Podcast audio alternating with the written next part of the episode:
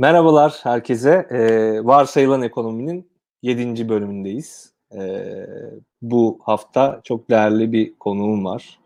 Ee, benim de aynı zamanda tez hocam olan, beraber tez yazdığım Gökhan Karabul, Profesör Doktor Gökhan Karabul, İstanbul Üniversitesi İktisat Fakültesinden. Ee, şimdi yavaş yavaş yayın başladı ama toparlanmadan önce, insanlar gelmeden önce birkaç duyuru yapmak istiyorum. E, biliyorsunuz biz sizlerin desteğiyle bu yayınları sürdürüyoruz. Onun için Patreon hesabımıza girip bize destek olmayı unutmayın. Aşağıda yazıyor zaten kendisi. Bugün neler konuşacağız? Kısaca bahsedeyim. Gökhan Hoca davranışsal iktisat çalışmalarıyla biliniyor. Ee, aynı zamanda İstanbul Üniversitesi'nde saygın bir profesör.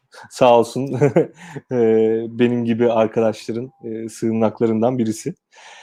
bugün biraz bu koronavirüs sürecinin, krizinin işte nelere yol açtığı, nelere mal olduğu, işte insan davranışındaki değişimleri, kurumlardaki değişimleri, işte kapitalizm, demokrasi üçgeninde, güvenlik ekseninde, güvenlik ve haklar ekseninde ne gibi değişikliklere yol açabileceğini ve bunun aslında bizi doğrudan nasıl etkileyebileceği üzerine biraz konuşacağız.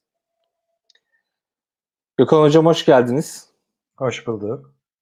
Ee, şimdi hocam bizi dinleyenler e, yani genel izleyiciye hitap ediyoruz.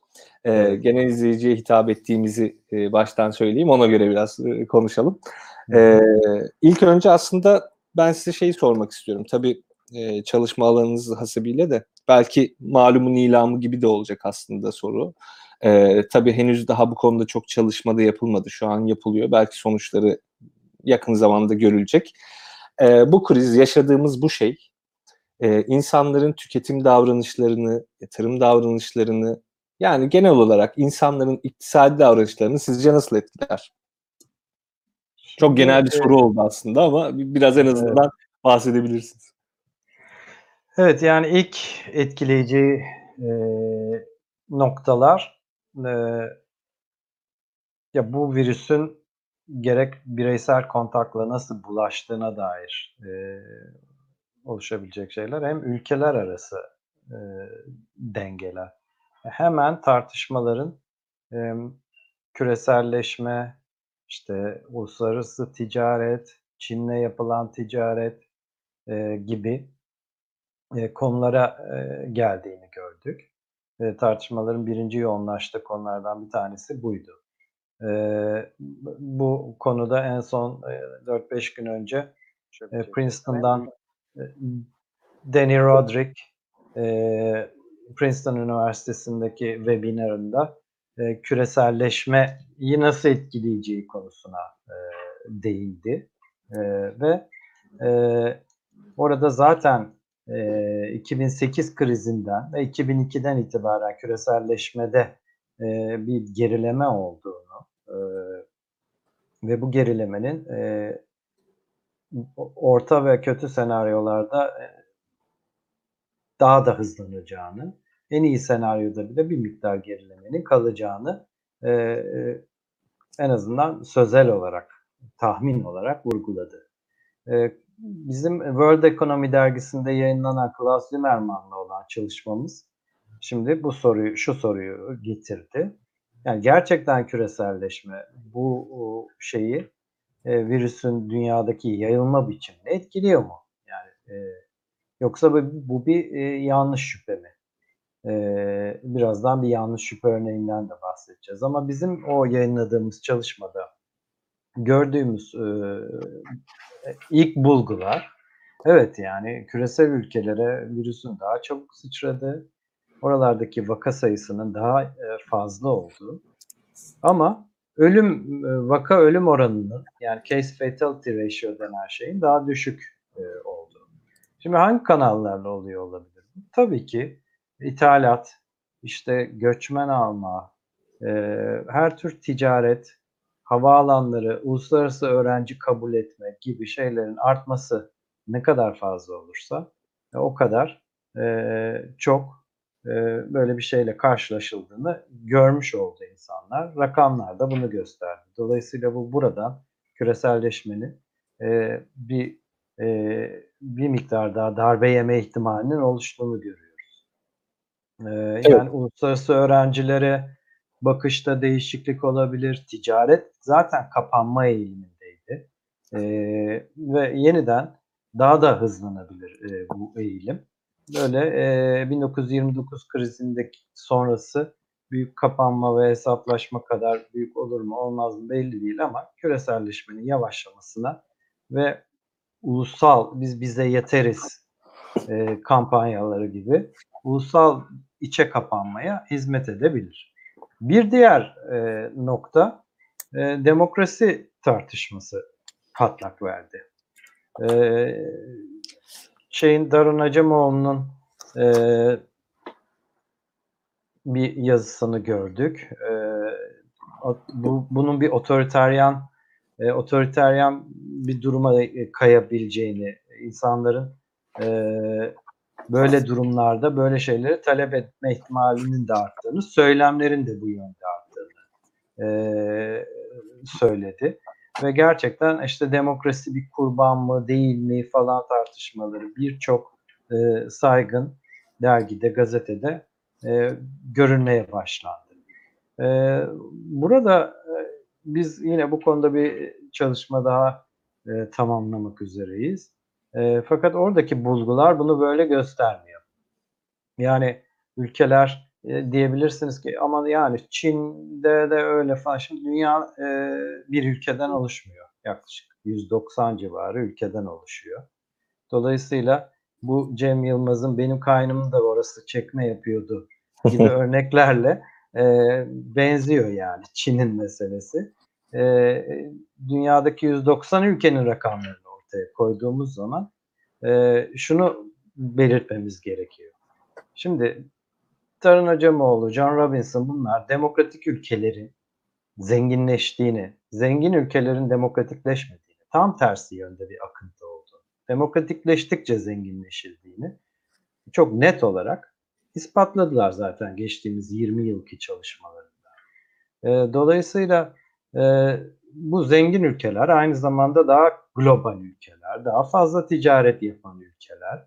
Dolayısıyla bakıldığı zaman yani e, evet daha demokratik ülkelere daha çok sıçrıyor, daha çok vaka oluyor vesaire falan ama bu ülkelerde daha çok göçmen var. Bu ülkelerde daha çok turist var. Yani Paris'e, New York'a e, evet daha çabuk sıçrıyor.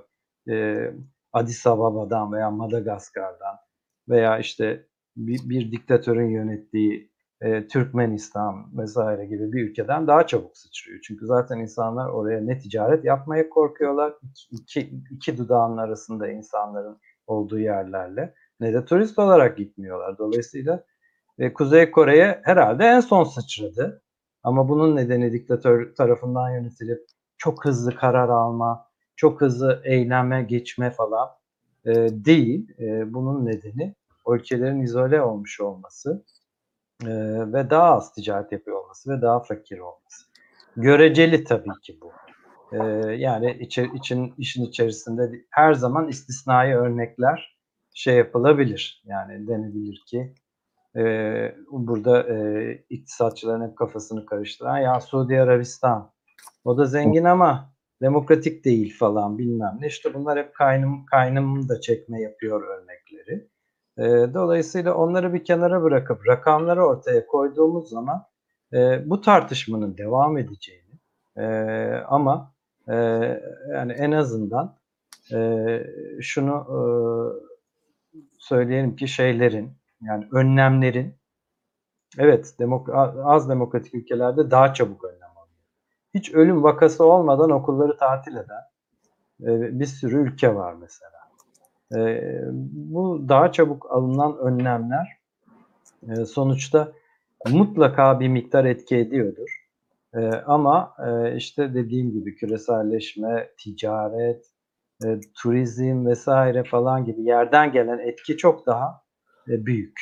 Şimdi demek ki bu anti liberal değerler e, daha ciddi saldırı altında olacak ve siz ne kadar rakamlarla bilimsel olarak ispatlarsanız ispatlayın.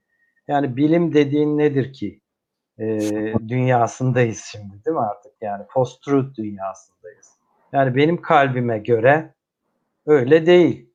Bence yani güçlü bir e, yapı e, çok daha ciddi mücadele eder falan, rakamlar yalan söylüyor falan gibi şeyler içerisinde kaybolup gidebiliriz. E, Orada Ve, belki e, ekleyebilirim hocam. Aslında hı e, yani insan davranışını konuştuğumuz için biraz hı. kriz anlarında insanların nasıl davrandığına ilişkin hani bizim de yaptığımız bu iktisadi deneyler vesaireler vardır ya. Yani Evet. o anlarda aslında insanlar bir şekilde e, güvenilir bir liman arıyor.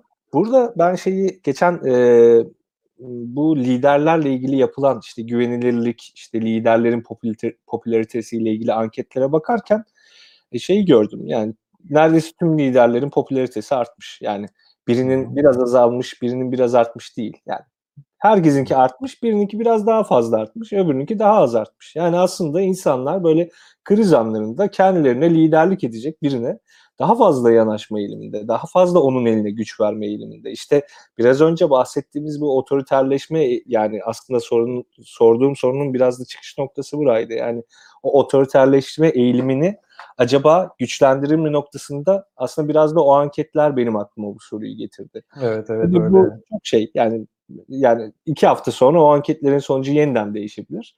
Ama burada gene çok şey net gördük. Yani kriz anlarında hakikaten insanlar güvenecekleri bir başka insan arıyor neredeyse. Hani bir Evet, kurum evet. vesaire falan değil. Yani direkt bambaşka bir insan arıyor, bir lider arıyor. E belki biraz Doğru. bu açıdan da yaklaşabiliriz. Hani o değerlendirmek isterseniz size de pas Doğru doğru böyle böyle çalışma var. Ee, bu e, ekonomik krizler e, de iktidardakine değil alternatife e, yönelerek kurtarıcı arama. E, ekonomik krizler dışında e, mesela e, bu, bu şeydeki e, Hint Okyanusu'ndaki deprem ve tsunami kriziyle ilgili yapılmış bir çalışma var. Hmm. E, onunla on, depremler ve bazı iç karışıklıklarla ilgili yapılmış çalışmalar var. Onlarda da e, iktidara e, yönelik e, bir beklenti içine girildiğine dair bayağı bir çalışma var. Ve dediğin çok doğru şey de var. E, şu an e, yapılmış e, anketler var. E, yani net olarak e, şu an her şeyi rafa kaldırabiliriz. Yeter ki canımız kurtulsun gibi e, anketlerin kaydığını, dünyanın birçok ülkesinde kaydığını gördüğümüze göre bu bir e, standart e, insan davranışı e, demek oluyor. Ama dediğim gibi önemli olan şimdi gerçekten e, daha sert önlemler mi alınıyor? Daha hızlı mı önlemler alınıyor? Alınan önlemlere karşı uyma var mı? Yani e, birazcık daha kaotik olabiliyor ülkeler, uymayabiliyor. Yani dediğim gibi her ülkeyi Çin gibi düşünmeyin. E, sokağa çıkma yasağı veya tavsiyesi e, bunların hepsi birer önlem oluyor. E, bir, bir, Afrika ülkesinde buna uyulmuyor. Bunu nereden görüyoruz? Yani Google Mobility datalarını açıkladı. E, bakıldığı zaman yani e, bir miktar daha az uyulduğunu bu kararlara görüyoruz. Dolayısıyla olay o açıdan e, karmaşık ama e, bilinen bir tek e, durum var ki panik e, var yani ortalıkta. Evet. Ya Afrika mevzusu enteresan. Şimdi onu ilk programlarda konuşmuştuk. Mesela Ebola. Ebola çok daha öldürücü bir virüs. Yani ölüm oranı yüzde yetmişlerde vesaire. Ama Ebola yayılmadı en nihayetinde Afrika'nın kırsal kesiminde olan bir virüs. Yani mobilite yok, şey yok. Şimdi şey diyemeyiz yani Afrika'daki ülkeler, Orta Afrika ülkesi, ülkeleri işte yok Çat'tır, Demokratik Kongo Cumhuriyeti'dir falan çok daha güzel önlemler aldı. O nedenle Ebola yayılmadı diye bir şey ortaya sürse herhalde çok e, saçma olur. Orada işte biraz önce bahsettiğiniz gibi yani aslında güvenlik ve bizim temel insan haklarımız ya da haklarımız ekseninde bir denge kurmak zorundayız. Bu dengeyi de tabii ki aslında biz kurmuyoruz yani karar alıcı pozisyondaki insanlar kuruyor. Kimi. E, ülkeler işte daha güvenlik eksenli, kimileri de işte daha temel haklara da ya işte en azından biraz saygı duyalım ekseninde hareket edebiliyorlar. Örneğin Macaristan yani bu krizi bir şekilde fırsatı çevirip işte Orban'ın eline e, neredeyse süresiz e, bir şekilde e, ülkeyi ka- kanun hükmünde, bizdeki kanun hükmünde kararnamelere benzer mekanizmalarla yönetme izni verdi. Bir yandan da işte Tayvan'a, Güney Kore'ye bakıyoruz. Orada da hani bazı temel haklara ilişkin sıkıntıları oldu ama böyle şeyler görmedik. Ee, bir de belki şeyden bahsetmek lazım hocam sizin vurguladığınız gibi. Yani bu tarz krizlerde insanların davranışları da önemli. Örneğin biz şimdi ben krizin başını hatırlıyorum. Aman maske takmayın, maske şöyle kontaminasyon aracı, böyle kontaminasyon aracı vesaire. Yani hem bilim kurulundan hem işte yani bu işin artık uzmanlarından çok fazla şey duyuyorduk. Ama e, uzak doğu ülkelerinde insanların SARS tecrübesi, işte oradaki e, artık tıbbi geçmiş tecrübeleri vesaireler onları bir şekilde maske takmaya falan itmişti. Sonradan bize de geldi o maske e, teknolojisi diyeyim artık.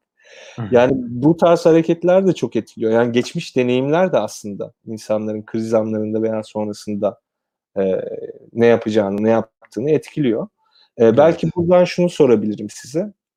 Şimdi bir laf vardır ya işte gerçeklerden kaçabilirsiniz ama gerçeklerin sonuçlarından kaçamazsınız.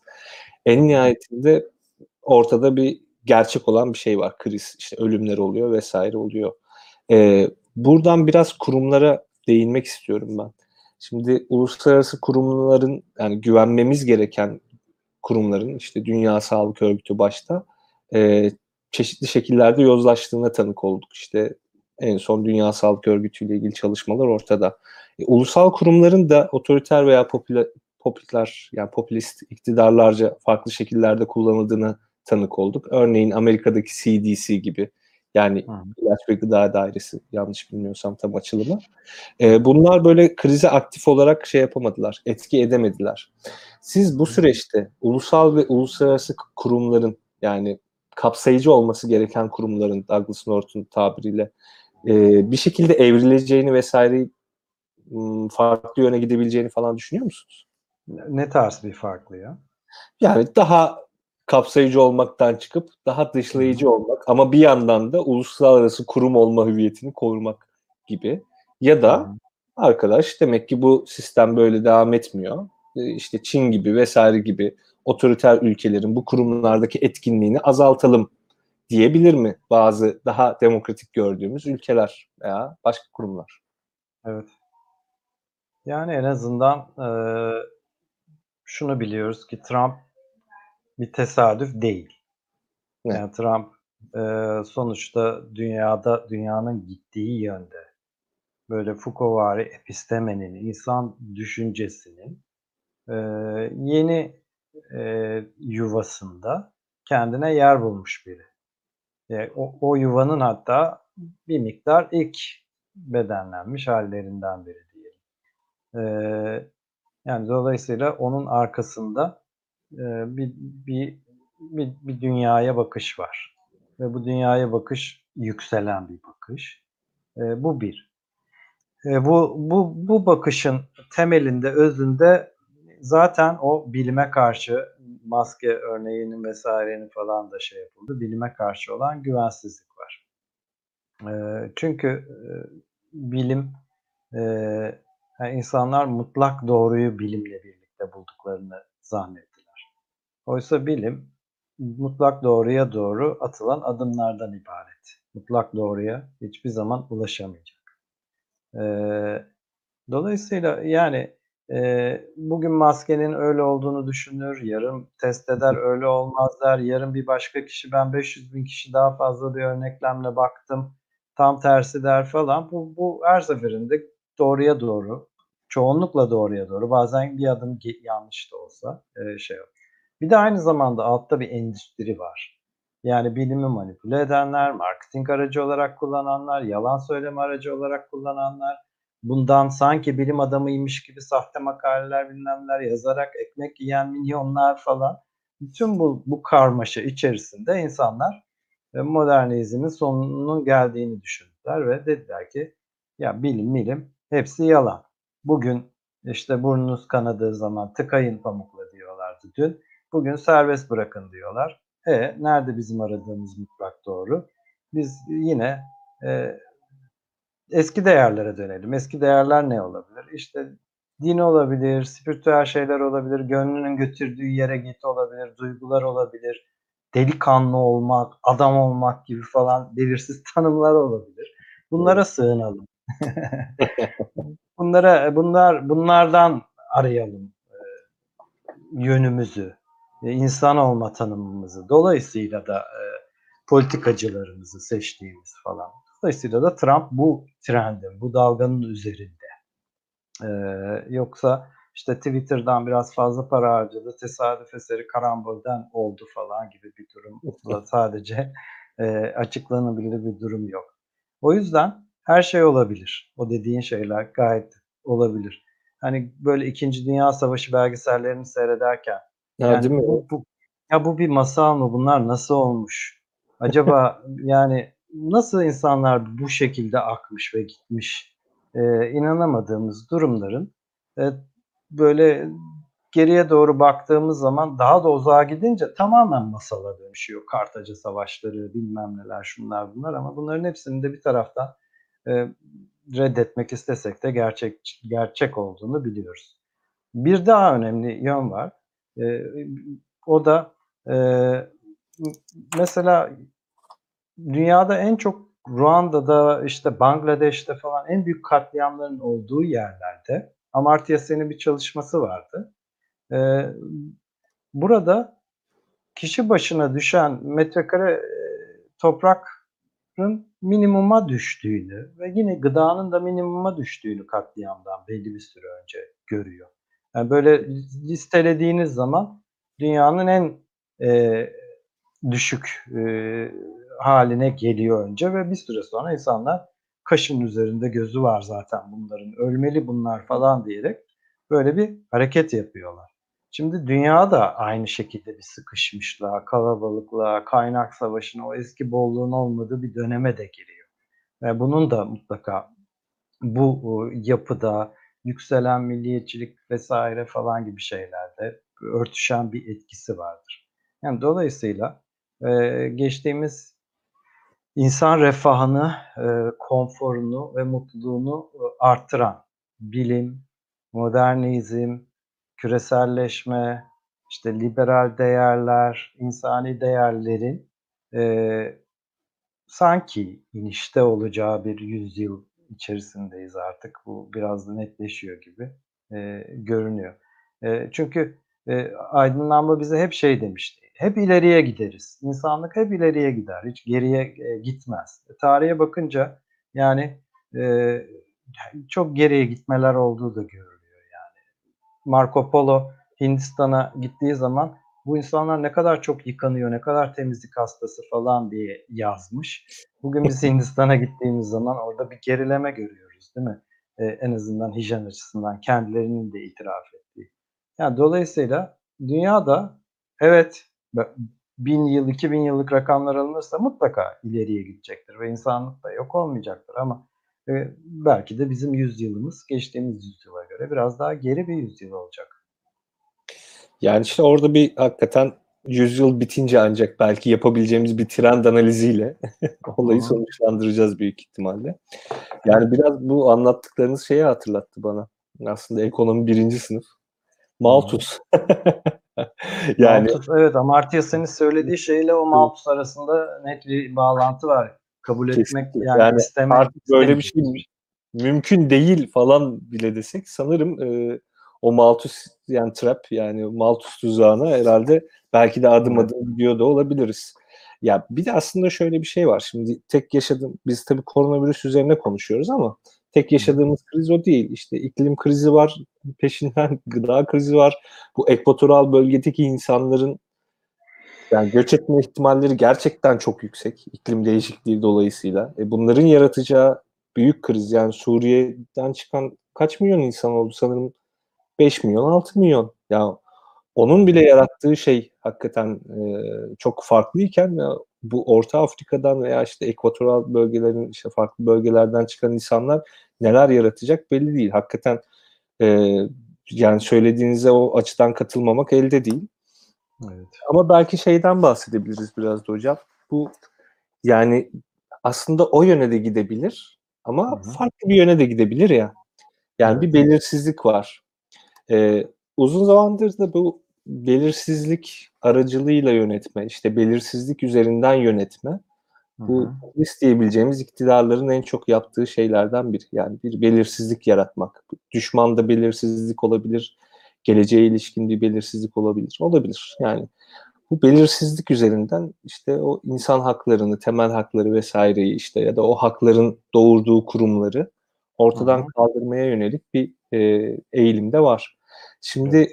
ben biraz bu belirsizlik duygusundan bahsetmek istiyorum. Çünkü bunu insanlar yani ben en azından ve benim anekdotal gözlemlerim yani çevremde yaptığım gözlemler bu belirsizliği çok ağır bir şekilde yaşıyoruz ki ben artık işte orta yaşlarına yaklaşmış bir insanım. Hani hayatımda bazı şeyler belli ama daha da genç olan insanların belirsizlik duygusu çok yüksek. Bunun e, insanların iktisadi davranışına veya genel davranışlarına etkisi ne olur sizce? Yani bu kriz atlatıldıktan sonra da. Yani şöyle orta uzun vadeye baktığımızda. Yani çok zor cevap vermek ya. Yani Evet, en azından bir fikir teatisi yapalım hocam. evet. Yani düşündüğümüz zaman e, yani şey olab şey de olabilir. E, bu belirsizlikten e, kurtulmak üzere e, bir oy verme çalışmalarını, dünyasını, geleceğini öyle ayarlamak da olabilir. Şu an herkesinki daha kolay gibi görünen ama aslında daha zor olan e, ülkeden gitme. Gündeminde varsa, bunu yapabilecek, hayal kurabilecek bir potansiyeli varsa. E, yoksa e, yani iki seçenek kalıyor. E, bu seçeneklerden biri halkanın içerisine girip o küçük, gittikçe küçülen pastadan bir dilim ısırma falan gibi bir şey. E, neden olmasın, neden bana da düşmesin şeklinde. E, ve bir diğer e, e, seçenekte halkanın içine bile girmeden sanki işte bir deprem olmuş, bir tsunami olmuş ve sonrasında işte o dediğimiz yüceltip kurtaracak bizi inşallah falan tarzı birine sarılma. Bu iktidardaki kişi de olabilir, iktidarda olmayan kişi de olabilir. Doğru ol, doğru kişi olma olasılığı düşük çünkü panikle yapılan bir sarılma. İktidarda olan olsa da olmayan da olsa. Ee, böyle bir e, ihtimaller var yani ama hani bu toplumun dinamiklerinde ne olacak, ne edecek, e, nasıl bir e, ilerlemeye gidecek ben de çok merak ediyorum yani bu konu üzerine hemen hemen her zaman düşünüyorum e, ama e, belki daha uzun süre yaşamış olanlara sorsak onlar bu toplumu daha iyi tanıyorlar. Ee, ama onları da sorduğun zaman onlar da soruyorum tabii ki. Ha, bir şey olmaz böyle gelir böyle gider. Şimdi böyle gelir dediği şey böyle tamamen askerler, darbeler tarafından yönetilen bin dolar milli gelirli bir ülke. E, böyle mi gider acaba? E, bir ara ümitlenmiştik çünkü. E, böyle gelir böyle gider diyorlarsa vardır bir Bakalım bilmiyorum. Belki hocam e, şeyden bahsedebiliriz bu belirsizlik mevzundan daha ziyade bir de çok keskin böyle hakikaten neredeyse artık e, damarlarımızda hissettiğimiz bazı şeyler var. Örneğin merkezileşme eğilimleri. Neredeyse aslında tüm e, dünyada böyle bir eğilim görüyoruz kriz zamanlarında haliyle olur. Yani en nihayetinde krizin tek elden yönetilmesi için en azından bir kriz merkezi kurarsınız. Adı da merkez. İşte o merkezden yönetilir şey. Fakat bizimki gibi ülkelerde bu merkezileşme biraz farklı işliyor. Biraz önce Macaristan örneğini de vermiştim. Yani neredeyse bu merkezileşmeden çıkıp işte 3-5 tane adam hani ne derse ona doğru kayıyor. Yani merkezileşmeyi de açtık. Yani bir merkezden yönetmeyi de açtık. İşte tek adam iktidar vesaire diyorlar ya. Tek adamı doğru hızlıca gidiyoruz zaten. Belki de oradayız şu an. Şimdi bu e, dünyadaki aslında son belki de işte ya İkinci Dünya Savaşı'ndan sonra aslında yaşadığımız işte farklı kurumların olması, farklı işler için farklı kurumlar kurulması, işte ülkelerin de kendi içinde bu işte Türkiye'de de var olan bazı kurumları oluşturması. Yani en basitinden ekonomi alanından örnek versek işte BDDK'sıdır, SPK, SPK'sıdır, işte hukuki bazı kurumlardır, işte hakimler, savcılar kurulu, danıştayıdır, sayıştayıdır vesaire vesaire bunların farklı yönlere doğru gitmesi. Şimdi ben biraz şeyi merak ediyorum. Belki ilerleyen süreçte tüm bu güçler ayrılığı veya farklı kurumların daha da merkezileştiğini falan görebilecek miyiz? Şimdi biraz böyle bahanelerle bu iş erteleniyor gibi. Hani otoriter liderler kullanıyorlar bunları istedikleri gibi ama e, biraz da erteliyorlar. Yani o kurumlar hala varlığını koruyor. Acaba şeye girer miyiz? Hızlı bir şekilde bu kurumların tamamen ortadan kalkması sürecine doğru girer miyiz? Bu arada başlık kalkmasına Bunlar- gerek yok ki. İçi boşalsa yeter yani zaten. İlla ya adı Eder. kalabilir. BDDK adında bir yer olabilir. Evet. Ama e, aynı işlevi e, yerine getirmiyor olabilir artık. E, veya e, şeye baktığınız zaman e, mesela işte bize her gün üniversite mailinde görüyorsun yazılar Evet. geliyor. İşte diyelim ki korona ile ilgili işte tırnak içerisinde sosyal bilim dahil araştırma yapacak olan herkes e, işte e, böyle büyük da, yani herkesler falan havalarda uçuşuyor. Sağlık Bakanlığı'ndan izin almak zorundadır falan gibi yazılar geliyor değil mi? bize? Evet. Şimdi e, yani bun, benim bir şey konusunda şüphem var. Yani öyle olsa da şaşırmam ama yani işte Sağlık Bakanı veya işte Cumhurbaşkanı buradan emir veriyor. Korona konusunda hiç kimse bilmem ne demesin. Olabilir. Şaşırtıcı olmaz ama olmayabilir de. Yani İl Sağlık Müdürü de bütün içinde bulunduğu denizin atmosferine bakarak bu bu bu asayı bir kez de biz tutalım be falan demiş olabilir dün akşam mesela yani. Öyle bir hisle bir genelge bir şey yayınlamış olabilir. Ama biz onu gö- her seferinde tabii ki e, nereden geldiğini bulmak durumunda değiliz. Ama bilinen bir şey var ki e, yani medya olsun, işte bilim olsun, araştırma olsun. Yani bir, bir kez e, o şeyden çıkıldığı zaman, dar koridordan e, çıkıldığı Hı. zaman yani nereye doğru kayacak? Tekrar yani girmek için oraya e, kolay değil yani böyle çıktığın zaman çıkıyorsun işte ve herkes çıkıyor. Herkesin kafasında çıkıyor. Bir bilmem neredeki e, bir, bir devlet dairesindeki bir e, bürokrat, e, bir, bir müdür de neden ben böyle davranmayayım ki? Böyle olması gerekiyor demek ki yönetim dediğimiz şeyin diyerek güçleri e, elinde toplamaya başladığını görüyoruz. Ve böylece yani akıl veya toplumsal akıl, binlerce farklı fikir, şey şu bu falan yok oluyor. Bu yok olmanın e, gerekçesi e, nedir? İşte güvenlik, hızlı davranma, atik olma vesaire falan gibi. Aslında bunlar da ta Hannah Arendt'ler falan tarafından zamanında kitabı yazılmış e, bir takım kurallar. Yani dolayısıyla e, ilk kez yaşamıyoruz herhalde. Dünyada çeşitli şekillerde yaşanan bir şeyi yaşıyoruz biz de. Yani aslında ben de baktığımda şeyi görüyorum evet. Yani farklı krizlere en, en nihayetinde benzer. Tabii ekonomik açıdan baktığımızda şey değil, bu bir ekonomik kriz değil. Bu işte ekonomik sonuçları olan bir insani kriz.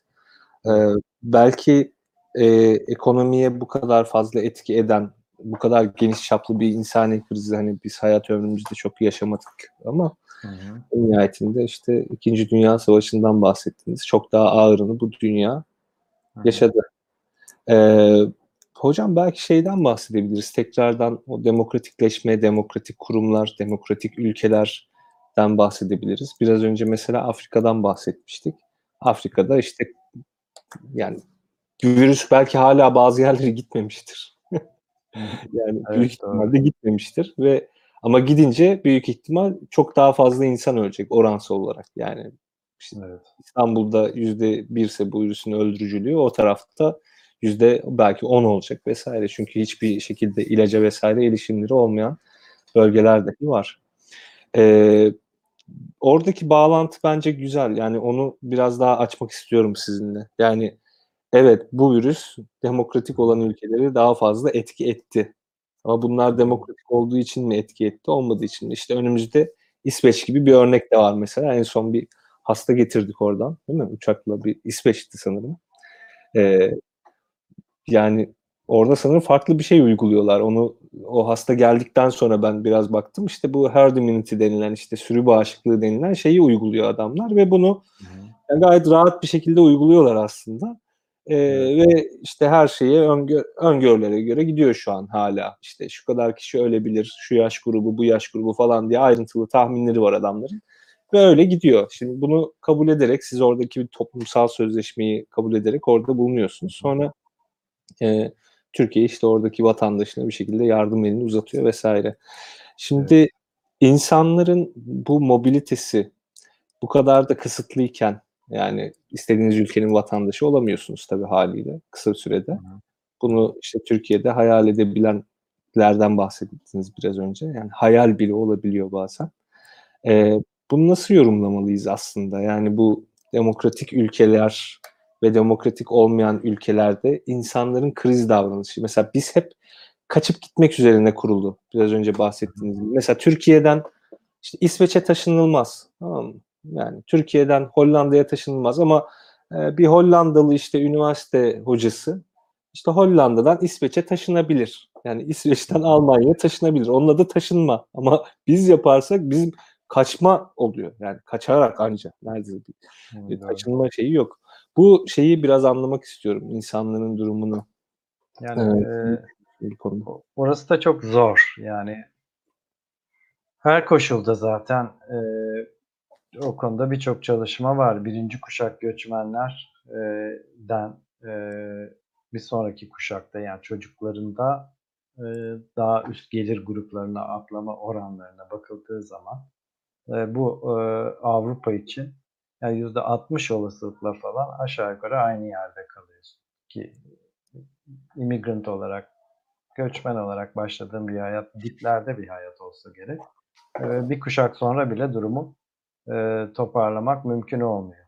Yani başarı hikayeleriyle e, dolu ama e, o başarı hikayeleri aslında işte entrepreneur super, superstars deniyor işte Elon Musk gibi falan adamlar. Hı hı.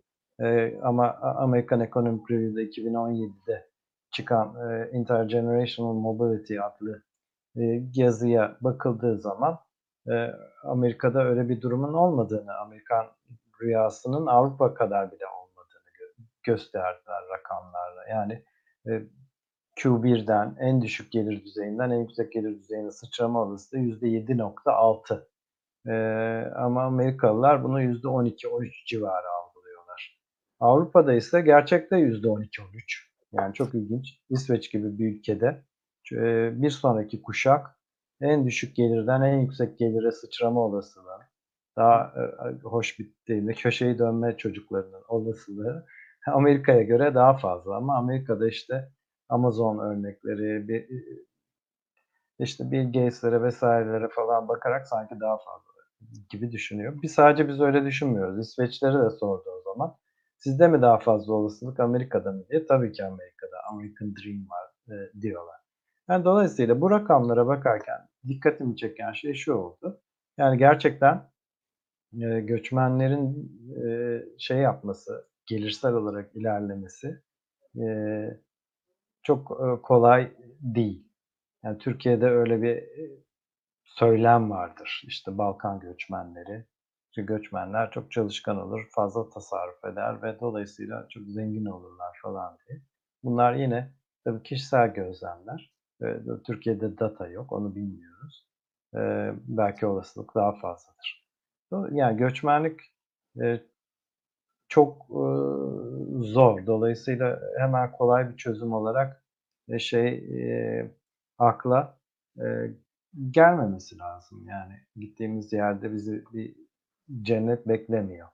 E, ama e, ya bir taraftan da insanın içerisinden yani e, Ya burada da bir hayatımda bir değişiklik olmayacak. Yani hiç olmazsa şansımı deneyeyim tarzı böyle yine evrimsel bir e, dürtü oluşuyor. E, işte e, Konda'nın yaptığı araştırmada yani aşağı yukarı gençlerin yarısının e, eğer elinde fırsat olsa başka bir ülkeye gidip yerleşecekleri ve kalıcı olarak bir daha dönmeyecekleri ortaya çıktı. Çok üzücü bir rakamdı o. Yani e, 15-25 yaş arası gençlere yapılan bir şeyden bahsediyoruz burada ve yarısının ellerinde fırsat olsa bir daha dönmemek üzere gideceğini söylediği bir durumdan bahsediyoruz ve gittiği yerde gerçekten onları yani çok zorluklar gide, gidebiliyorsa da çok ciddi zorluklar bekliyor. Diğer taraftan şeyle teselli olabiliriz. İşte benim tez öğrencilerimden birinin tez konusu e, benim pardon jürisine katıldığım başka bir e, hocanın tez danışmanı olduğu e, bir e, tez jürisinde işte okudum. E, bundan sonra ertesi gün gittik. E, öğrenci Etiyopyalıydı e, ve şey dedi e, konusu e, Türkiye, Almanya ve Etiyopya'nın sağlık sistemlerinin karşılaştırılması. Çok ilginç bir konu.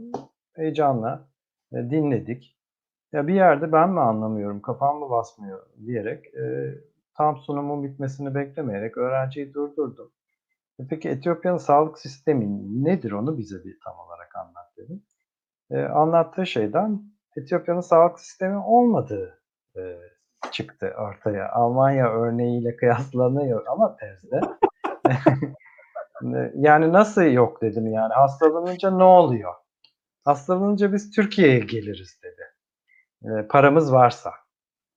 Paranız yoksa işte paramız yoksa e, Türkiye bizde bir tane hastane yaptı oraya gideriz e, dedi.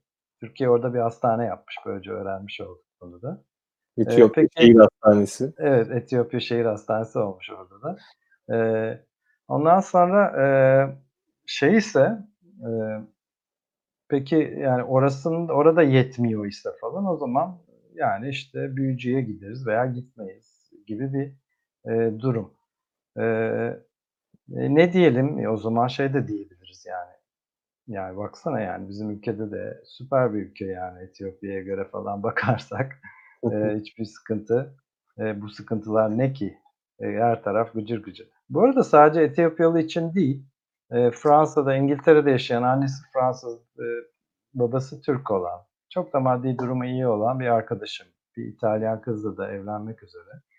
E, o da mesela ya biz Türkiye Türkiye'ye geldi yerleşti. Türkiye'ye bayılıyoruz falan dedi. E, işte her şey çok ucuz e, ve her yer yollar falan gıcır gıcır tüneller bilmem ne işte biz buradan bütün Anadolu'yu gezdik. Yani İtalyan kız arkadaşım da şaşırdı. Bu ne lüks falan dedi. E, dedi. E, yani şimdi dolarla kazanıyorlar. E, yedi buçuk liradan harcıyorlar. Yollar da kaymak gibi falan. E, Hocam Türkiye'de nedir bunlarla? Bunlarla teselli bulalım bari. Türkiye'de expat olmak kadar e, güzel bir şey var mı? Yani ben açıkçası bir Avrupalı olsam işte deseler ki işte evet. İstanbul'da yaşar mısın? Verin kardeşim evet. euroyla maaşımı. Yaşayayım yani. Çok güzel bir şehir hakikaten İstanbul. Türkiye gezmek evet. açısından gerçekten çok keyifli, çok güzel. Ama evet. işte e, yani şeye bakmayınca işte bu anekdotal gözlem yapmak hakikaten insanı çok yanıltıyor yani. Hani evet. rakamlara veya işte geniş böyle niteliksel araştırmalara falan bakmayınca dediğiniz doğru olabilir. Yani adam e, işte Samsun'a da gitse işte Yozgat'a da gitse falan filan aa işte lüks tabii hani baktığın zaman lüks mü lüks hani hiç yani yollar gıcır gıcır her. Yollar gıcır gıcır mı? Hakikaten gıcır gıcır. Ama işte bunu neyin pa neye ne ne pahasına yaptığımız gerçekten çok önemli hale geliyor. Yani biz geleceğimizden çalarak bugün gıcır gıcır yollar mı kullanıyoruz? İşte ya şimdi konumuzun çok dışında ama bu işte kamu özel işbirliği projeleri, vırt sırt hani böyle geleceğe bıraktığımız inanılmaz yükler vesaireyi mi yaşıyoruz bir şekilde? Bunlara ciddi şekillerde bakmak lazım. Hocam belki e, aslında yayından önce sizle konuşmuştuk ya şey demiştiniz bana daha doğrusu dün konuşmuştuk. Ben bu demokratikleşme, demokratik kurumlar koronavirüs, kriz konularını bayağı uzun süre çalışmak istiyorum, çalışırım demiştiniz. Biraz aslında bu çalışmak istediğiniz konuları bize anlatsanız belki bizim için de biraz ilham kaynağı olur. Belki e, insanlarda bir şeyi tetikler. Yani ilk kitapta şu e, yani yaklaşık 15-20 gün içerisinde bitireceğim yazı e, en azından şu an bulguları elimde. E, ve o bulgular gösteriyor ki antidemokratik ülkeler daha hızlı önlem alıyorlar. Evet. Hiç ortada kriz bile yokken, ülke ülke çok uzakken bile aniden çok sert önlemler veya hızlı önlemler alabiliyorlar. Sert değil. Çünkü daha sert önlem almıyorlar. E, alınan önleme uyma bütün 190 ülkeyi incelediğiniz zaman demokratik ülkelerde daha fazla bir miktar. E, fakat bütün bu etkileri topladığınız zaman oradan gelebilecek pozitif etki ile e, dediğim gibi e, şeyin gayri safi zenginliğin, gayri safi yurt içi hasılanı ve küreselleşmenin kontrol edilmesiyle gelen etkiyi kıyasladığınız zaman şunu anlıyorsunuz ki demokratik ülkeler daha zengin ve daha zengin olduğu için daha çok ticaret yapıyorlar ve e, dolayısıyla e, daha çok hastalığa maruz kaldılar bu şeyde, e, bu krizde. E, yoksa kanal antidemokratik ülkelerin daha sert ve daha atik önlemler alması nedeniyle e, daha e, anlamlı bir farkın e, oluşması şeklinde e, değil durum. Yani kanal bu şeyin etkinin oluştuğu kanal e, demokratik ülkelerin zengin ülkeler, zengin olması yönünde. Şimdi orada nedensellik meselesi var. Yani Allah'tan o zorlu bir konu. Ona girmek zorunda değilim. Dediğim gibi işte o ispatlanmış durumda nedensellik kısmı. Ee, yani e, demokratik demokratiklikten e, şeye e, gitme. E, şimdi burada e, demokratiklikten zenginliğe gitme örneğine e, 190 ülke ve geçtiğimiz 200 yıllık tarih boyuncaki yüzlerce farklı örnekten farklı olarak hemen akla e, ama Çin veya Güney Kore. ya bunu da dediğim gibi Daron, Daron Hocamoğlu'nun yazdığı iki kitabın bu konulara ayrılmış özel bölümlerini seyrederlerse, e, işte okurlarsa eğer e, çok net olarak e, görecekler o sorunun cevabını ki e, demokratikleştikçe zenginleşiyoruz. Bu da doğal değil mi? Şimdi şöyle düşünün. Amazon'un sahibi Jeff Bezos. Karşısında ise e, işte şeyin e, Çin'in e, Amazon'a e, rakip olan e, kurumunun adı neydi? E, AliExpress. Ha, AliExpress'in e, sahibini e, düşünelim. Şu an ev hapsinde bildiğim kadarıyla.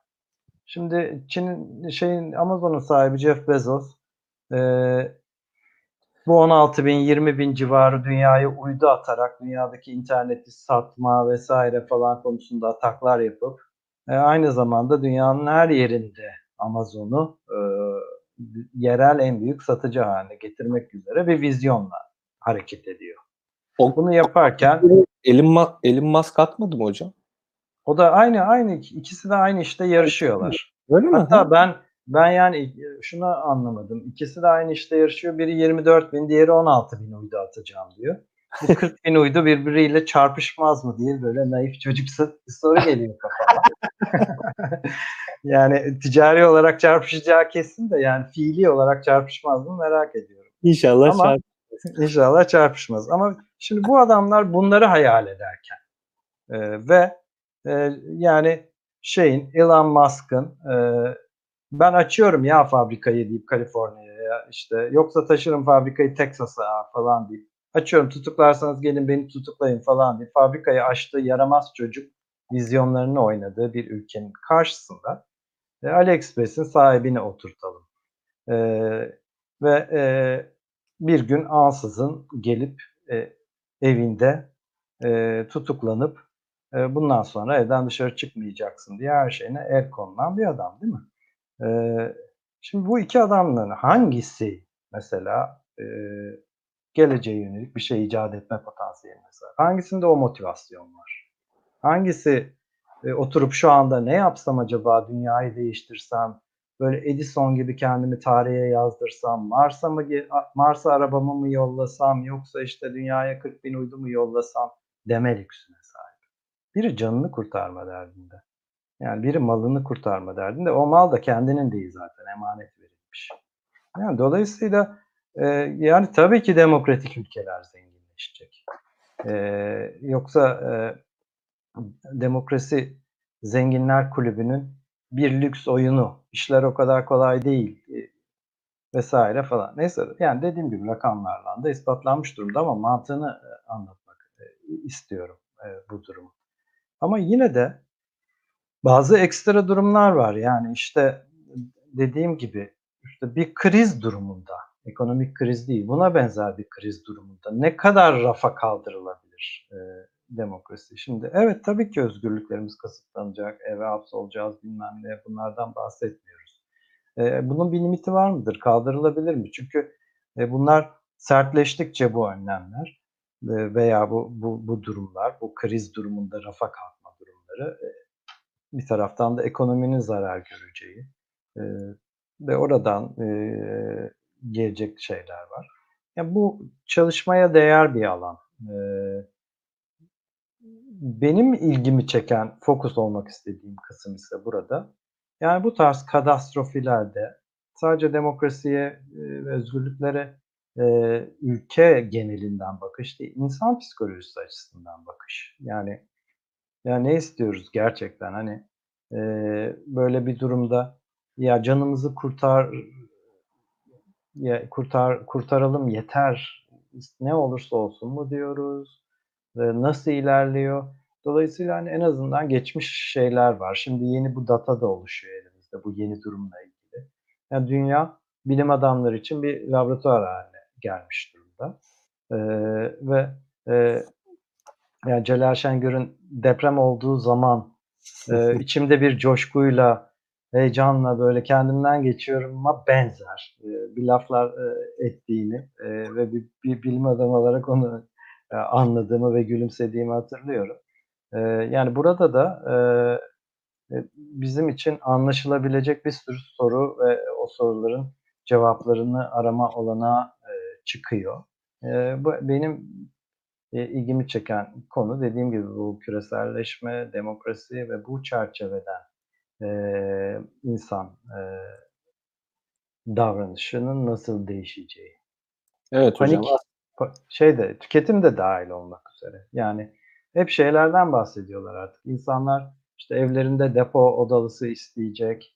Hı hı. İşte ondan sonra e, Evinden çalışacağı için mutlaka çalışma odası isteyecek. Yazlı e, otel yerine yazlığı tercih edecek vesaire falan. Ya bunlar da yine ilgi alanının içerisinde. Yani burada ne gibi değişiklikler olacak.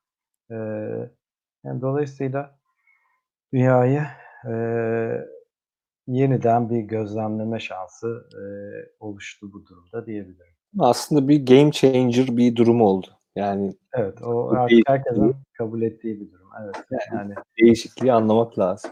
Hı hı. E, ama şey açısından, ekonomi açısından hani bir de şöyle bir durum var. Onu da belirteyim. E, şimdi e, iki diyelim ki iki kişilik bir ada düşünelim. Adada kişilerden bir tanesi e, yerden bir tane maden çıkartıyor. Öbürü de onu yakıyor ve beraber ısınıyorlar. Olayları bu. Bütün dünyaları bu.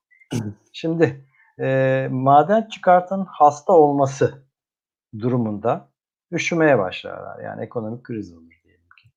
Ama bu, e, hastalık e, geçtikten sonra ortada eğer maden duruyor ise madeni çıkartacak adamlar ve onu yakacak adamlar da duruyor ise yeniden ısınma başlayacaktır. Yani ekonomide bitti bir daha açlıktan başka bir şey olmaz demiyoruz. Yani Tabii burası dünya eski haline geri dönecek.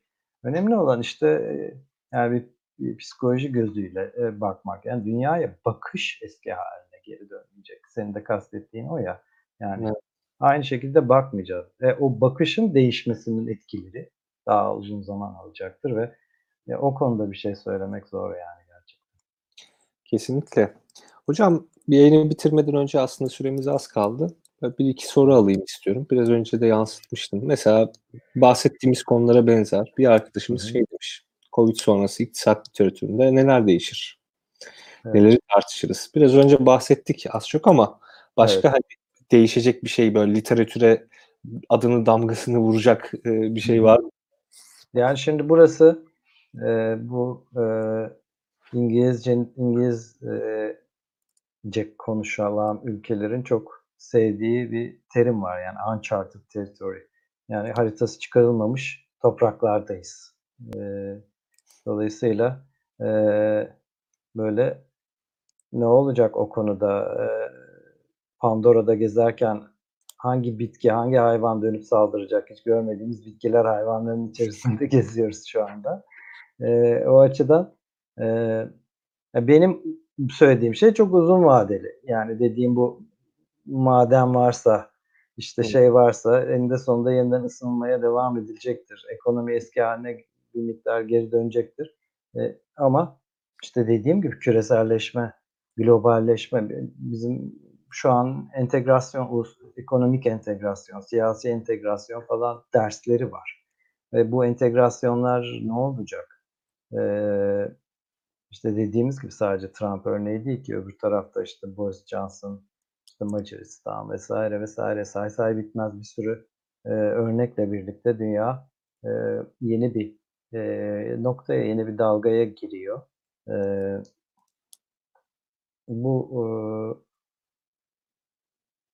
ekonomik olarak dünyanın durumunu uzun vadede kötüleştirebilir. Çünkü bildiğimiz bir şey var ki iş bölümü, uluslararası ticaret eee, vesaire bunlar insanların eee, refahını arttıran şeyler yani. Burası eee, kesin. Orada pek bir değişiklik olmayacak sanırım ama ben şeyi de düşünüyorum hocam ya. Tekrardan bu şimdi herkes bir üzerindeki işi Çin'e attı ya. Ya kardeşim sen üret, ucuza yapıyorsun, on numara adamsın, al bu tasarımı, yapıştır gel falan. E Evet. şimdi o süreç herhalde biraz değişecek. Yeniden bu e, şey çalışmalarının işte verimlilik çalışmalarının falan ön plana çıkacağını düşünüyorum ben. Yani ülke bazlı olabilir, bölge bazlı olabilir vesaire. Hani hangi sektör için neresi daha iyi, şu mu bu mu? Hani Çin'den belki biraz böyle hani üretim diversification'ı sağlamak için yani üretimi çeşitlendirmek için. Çünkü dün, anladığım kadarıyla yani en azından şunu öngörüyorum. Bu parasal genişlemeyle falan dünyanın tüketimi azalacak gibi değil. Yani e, ama üretimi öyle. sağlamak Herkesin kafa herkesin kafasında liste şeklinde eee, tüketim devam ediyor. Şu iş bitince şunu alayım, şunu alayım falan diye. Eee, dolayısıyla eee, yani tüketim eğilimimizde bir değişiklik yok. Eee, olmaması da gerekiyor. Küresel ı küresel ısınmayı vesaireyi falan düşünmezsek, sadece ekonomi açısından düşünürsek, yani üretebiliyorsak ve neden olsun? Tabii ki tüketelim. Tüketmenin üretilebilen bir ekonomide sakıncası yok. Şimdi yeni yeni artık şöyle bir durum ortaya çıktı. İşte bu Nordhaus'larla onun Nobel ödülü almasıyla vesaire falan. Yani veya işte Zizek'lerin falan da felsefi olarak gündeme getirdiği meselelerde yani tamam evet üretebiliyoruz, tüketebiliyoruz da ama işte dünya duvara çarpacak iklim olarak, kirlilik olarak. Ya bu bu da ayrı bir gerçekten tartışma konusu. Eee, yani plastik denizi içerisinde eee, yüzüyoruz. Andy Warhol eee, Andy Warhol's Felsefesi adlı kitabında eee, buna böyle bir ironiyle eee, ne demişti? Eee, New York'u seviyorum. Her yer plastik. Plastiği seviyorum. Plastik olmak istiyorum demişti. Eee, öyle bir dünyada yaşıyoruz. Hepimiz plastik olacağız herhâlde. Bu arada onunla ilişkin şeyler var ya. İnsanın vücudundaki plastik oranı hakikaten gitgide artıyormuş hani öyle. Yani Evet, vücudunda demek ki dolaşan yani. hakikaten ya şu an Süper plastik. yani yani. Olacağız. Andy Warhol göremedi ama biz göreceğiz herhâlde onu.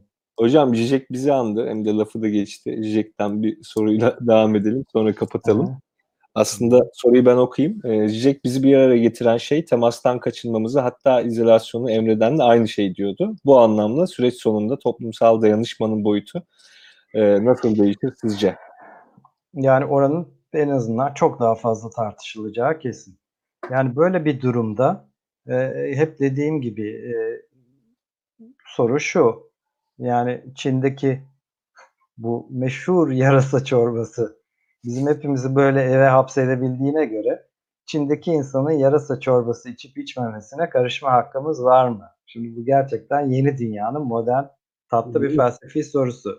Bild dergisi e, Çin e, Komünist Partisi'ne Bild dergisinin e, editörü ya her türlü e, antidemokratik uygulamayı yapıyorsunuz. Hapse atıp da orada unutup ölen insanların sayısı herhalde yılda bir milyon falan.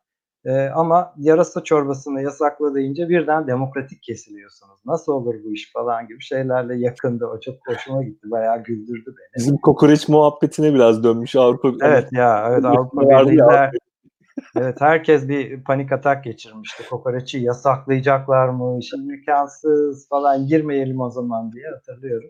Ee, evet onların da belki kokoreç gibi yarasa çorbası vardır yani akşamdan kalma bir durumda yarasa e, kanatları e, iyi geliyordur baş ağrısına falan gibi inançları vardır. Bilemiyoruz. Ama bildiğimiz bir tek şey var ki bu söz hakkı olacaksa eğer toplumların diğer toplumlar üzerindeki bazı eylemler konusunda bunun hukukunu ve execution'ını, uygulamasını kim yapacak? Ben bol miktarda tartışma olup kimsenin yapamayacağını düşünüyorum. Ee, bunu yaparken de e, yani karamsar bir yönden bakarak söylemiyorum bunu. En azından e, yani insan psikolojisine ve tarihe bir miktar bakarak çok zor bir şey. Yani e, biz yani tamam Birleşmiş Milletler gibi bir kurum e, oluştu bu. Önemli ve e, hemen hemen işleyen ilk örneklerinden bir tanesi bu tarz bir uluslararası e, kurumun. E, ama e, o da çok genel bir hüküm içerisinden e, çalışıyor. Şimdi e, bu tarz işbirliği böyle panik durumlarında ne olacak?